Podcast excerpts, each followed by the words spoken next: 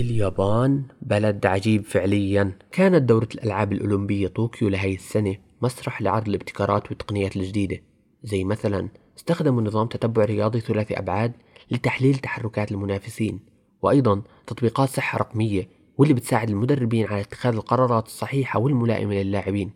ومن الأشياء الملفتة جدا استخدامهم لتقنية بتقوم بالتعرف على وجوه الناس للسماح لهم بالدخول للمناطق المرغوبة وفقا لتذاكرهم. كمحاولة منهم لتسهيل مرورهم ورفع مستويات الأمان. وهذا هو موضوع حلقتنا اليوم اللي رح نتحدث فيها عن تقنيات التعرف على الوجوه. فعلا تقنية التعرف على الوجوه أحد التقنيات المثيرة للاهتمام.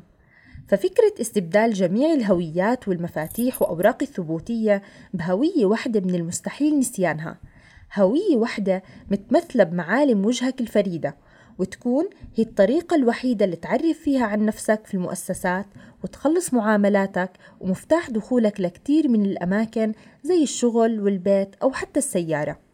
وعلى المستوى الفردي إحنا فعليا بنستخدمها عشرات المرات لفتح قفل التليفون أو تسجيل الدخول لمؤسسة حكومية أو شركة بنعمل فيها لإثبات موعد الحضور والمغادرة. لكن أيضا في استخدامات أخرى لهاي التقنية على مستوى الجماعة والحكومات مثل استخدامها بما يسمى بالمراقبة الأمنية للقطاع العام وبيتم من خلالها إصدار وثائق الثبوتية واستخدامها لإدارة الحدود بين الدول وأيضا التعرف على هوية مرتكبي الحوادث الإجرامية والإرهابية. من خلال تسجيل لكاميرات المراقبة مثلا أو صور ملتقطة. فمثلا مدينة سيدني الأسترالية تختبر هاي التقنية في مطاراتها لتسريع مرور المسافرين عبر نقاط التفتيش الأمني. وأكيد غيرها من المدن والحكومات بيستخدموا هاي التقنية بمجالات عدة ومتنوعة. لا شك بأن استخدامات تقنية التعرف على الوجوه واسعة جدا. وشخصيا بشوف أنه من الذكاء محاولة ابتكار تطبيقات جديدة ومبتكرة تستخدم هاي التقنية وبتوظفها في كافة القطاعات دون استثناء. في الوقت الحالي تقنية التعرف على الوجوه بتساهم في تطوير وتقدم العديد من المجالات زي القطاع الصحي. فمثلا في بعض الأمراض اللي بتظهر أعراضها على وجه المريض بيقدر الدكتور يشخص الحالة بالاعتماد على تطبيقات قادرة على تحليل الوجه والتعرف على تطور حالته المرضية وفقا لملامح وجهه. في القطاع التجاري والمجال التسويقي بالتحديد يمكن اختصار الكثير من الوقت والجهد في محاولة لدراسة جودة خدمة العملاء مثلا وبيتم هذا من خلال تحليل وجه ومشاعر المستخدمين عند المرور أمام منتج معين أو فور تلقيهم خدمة ما وذلك لقياس مدى رضا العميل عن المنتج أو الخدمة المقدمة. فملامح الوجه قادرة على كشف رأي الزبون وأجدى من الطرق التقليدية في جمع آراء العملاء وبالتالي يستطيع المتجر مثلا تطوير ما يقدمه بشكل أفضل. تمييز مشاعر صاحب الوجه من خلال صورة وتحديد حالته النفسية كأن يكون سعيد أو غاضب مضطرب حزين خائف وغيرها من المشاعر والحالات المزاجية المختلفة من الأمور اللي في غاية الأهمية. اللي بدوره رح يساهم في قطاعات بتهتم بتحليل ودراسة سلوكيات وتوجهات الناس أو حتى توجيه هاي السلوكيات وممارسة سياسة التحكم بالوعي الجمعي سواء كانت هاي الشريحة زباين مواطنين موظفين بمؤسسة ما أو غيرها. على الرغم من أنه الاستخدامات الحالية لتقنية التعرف على الوجوه غير متواضعة لكن بتوقع بالأيام القادمة رح تدخل هاي التقنية بالمجالات بشكل أكبر ورح تظهر تطبيقات ما كنا متخيلينها هاد صحيح وفعليا مبدأ عمل التقنية بتكمن بقدرتها إما على التعرف على شخصية صاحب الوجه أو التأكد من أنه بيملك صلاحيات كافية للدخول لموقع معين أو استخدام جهاز ما لكن كيف بتتم هاي العملية تقنيا؟ ببساطة كل شخص فينا عنده بنية فريدة لمعالم وجهه واللي بتشكلها مرتفعات ومنخفضات هذا الوجه. فالبرنامج بيقوم بتحديد هاي المعالم كنقاط عقدية وفعليا في 80 نقطة عقدية على الأقل في وجه كل إنسان وهي بذاتها اللي بتميز أي وجه عن غيره. من المزايا العقدية اللي بيقوم البرنامج بقياسها على سبيل المثال المسافة بين العينين، طول الأنف، شكل محيط الشفاه، تباعد الأذنين، وعرض الذقن وغيرها من المزايا.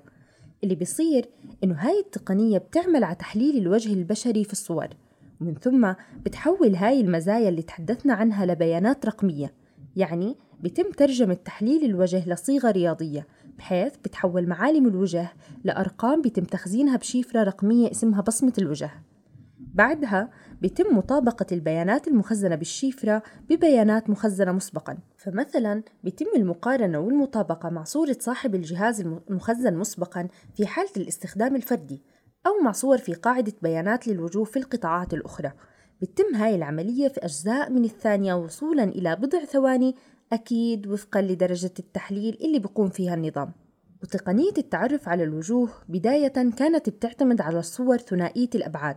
ومقارنتها مع صور أخرى ثنائية الأبعاد من قاعدة البيانات وعلى الرغم من سهولة قراءة ملامح الوجه دون أي تعقيدات في هاي الطريقة إلا إنه إلها عيوبها فمثلا لضمان نجاح العملية وإعطاء نتائج دقيقة كان الأمر بتطلب إنه الشخص ينظر بشكل مباشر للكاميرا هذا بالإضافة إنها بتتأثر بالإضاءة والاتجاه وكان من السهل أيضا خداع الأجهزة بصورة مسطحة لشخص ما لفتح قفل هاتفه مثلا.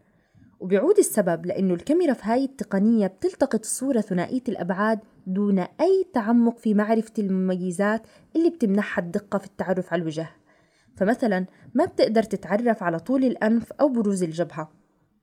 لهيك ظهر الاتجاه الحديث في برنامج التعرف على الوجوه والمطبق حالياً وهو استخدام النموذج الثلاثي الأبعاد 3D واللي بدوره بتغلب على جوانب القصور في التقنية السابقة وبيقدم نتائج أكثر دقة.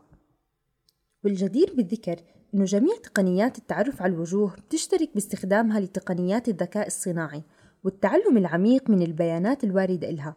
وهذا الاستخدام بيؤدي مع الوقت لتقدم مستمر وازدياد حجم عينة الصور اللي بيتم مطابقتها.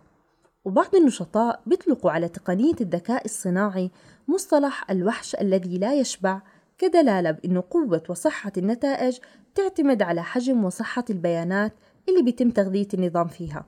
وهيك في مجال أوسع للآلة إنها تتعلم من الأخطاء اللي بترتكبها من خلال تصحيح بتدخل فيه البشر وبعزز الإدراك الآلي للخروج بنمط صحيح. مثل ما حكيتي بالضبط.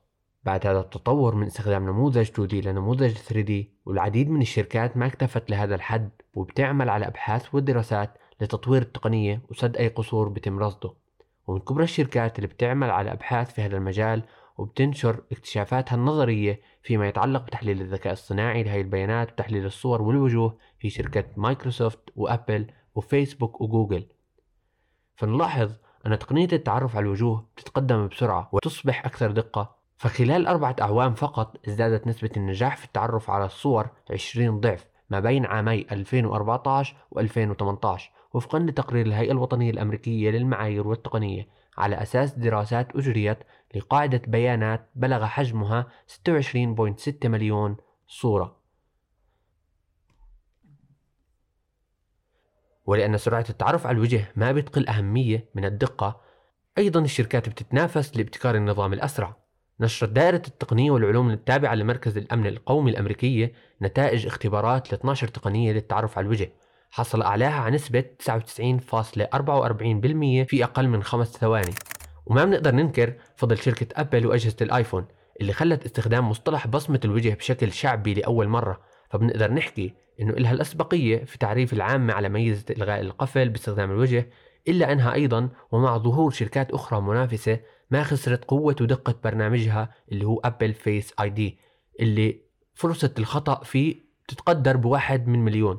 أما شركة فيسبوك بتستخدم خوارزمية ال DeepFace اللي بتتفعل لما نقوم بتحميل صورة أشخاص على التطبيق بتقوم الخوارزمية بالتعرف على ملفات أصحاب هاي الصور تلقائيا وبيعطي التطبيق خيار الإشارة لهدول وبينشئ رابط لملفاتهم الشخصية في حال السماح له بذلك. ويزعم فيسبوك أن دقة هذا النظام تبلغ 98% وهذا بالتالي بفسر زيادة حجم السوق لهذه التقنيات مقارنة بتقنيات التعرف الأخرى. ويتوقع أن يصل حجم سوق تقنيات التعرف على الوجوه إلى 7 مليار دولار في 2024 ونسبة نمو تبلغ 16% في الفترة ما بين عامي 2019 و 2024 بحيث بلغ السوق عام 2019 3.2 مليار دولار في الولايات المتحدة وحدها. صحيح لكن الاهتمام بهاي التقنية وانتشارها أكثر من تقنيات التعرف والأنظمة البيومترية الأخرى مثل بصمة الإصبع، بصمة العين أو نبرة الصوت بيعود لأفضلية بصمة الوجه عن باقي القياسات البيومترية. بالإضافة إلى أن التعرف عبر الوجه يوصف كونه واحد من أفضل ثلاث طرق للتعرف على الأشخاص باستخدام علم وظائف الأعضاء وعلم التشريح. فانتشارها أمر غير عبثي بتاتا. فمنلاحظ احتواء هاي التقنية على مجموعة واسعة من التطبيقات التجارية واللي بيكون إعدادها سهل نسبيا واستخدامها تقريبا في كل شيء بدءا بالمراقبة وصولا إلى التسويق المستهدف. وأكيد التحديات للحصول على البيانات بتكون أقل. فمثلا قراءة بيانات الوجه عن بعد أسهل مقارنة ببصمة العين أو الإصبع. واللي بتحتاج لاتصال مباشر مع جهاز الماسح. وبصمة نبرة الصوت أيضا تحدياتها مش بسيطة فهي غير فعالة أبدا في البيئة المزعجة أو في حالة تعرض الشخص لزكام على أقل التقدير. بالإضافة مثل ما حكينا قبل إنه بصمة الوجه بيتم استخدامها بمجالات أوسع وقادرة إنها تظهر نتائج دقيقة بأصعب الظروف.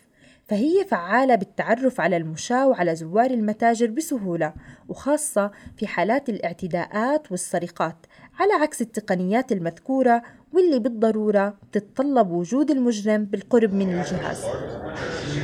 بدأت مخاوف الناس تزداد حول إمكانية سرقة بياناتهم الحيوية واللي بتشمل بصمة الوجه واستخدامها في سبل غير مشروعة زي تزييف الجرائم وربطها بأشخاص أبرياء فالكثير من النشطاء بشوفوا إنه هاي التقنية بتشكل تهديد على خصوصية وهوية الفرد خاصة بعد انتشار تقنية التزييف العميق ديب فيك في العام 2019 بدأت مخاوف تزداد حول تقنيات التعرف على الوجه والآفاق الضارة اللي يمكن استخدامها فيها.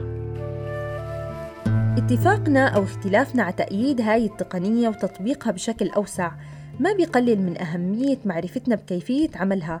لنعرف إيجابياتها وسلبياتها والمخاطر والمحاذير اللي بتترتب على استخدامها. وكنوع من رفض هاي التقنية عند البعض ظهرت محاولات ظريفة لخداع نظم التعرف. فمثلا استطاع شاب روسي تطوير خوارزمية بتقترح وضع مصاحيق التجميل بطرق وأنماط معينة تستطيع خداع خوارزميات التعرف على الوجه. بس هذا الشاب تجنب نشرها خوفا من استخدام المجرمين إلها. وطور شاب ألماني جهاز بيستطيع حياكة أنسجة لارتدائها على الوجه بهدف خداع نظم المراقبة. عبارة عن شال بيغطي الفم وبيحتوي على رسومات لعيون وشفاه. بالإضافة إلى أنه مجلة فوربس كشفت عن وجود قدرة على إجراء تعديلات بسيطة على مربعات البكسل في الصور لخداع نظم المراقبة ما بيتم تحديدها بالعين البشرية ولكنها مربكة للخوارزميات. لهيك لتجنب هاي المحاولات برأيي إنه الحل الأمثل إنه يتم دمج أكثر من نظام تعرف للخروج بنظام هجين. ما بيعتمد فقط على تقنية التعرف على الوجه ممكن يجمع بين بصمة وجه وبصمة الإصبع على سبيل المثال وممكن الطلب من الشخص إدخال معلومات أو إجابات متسلسلة بطريقة فريدة.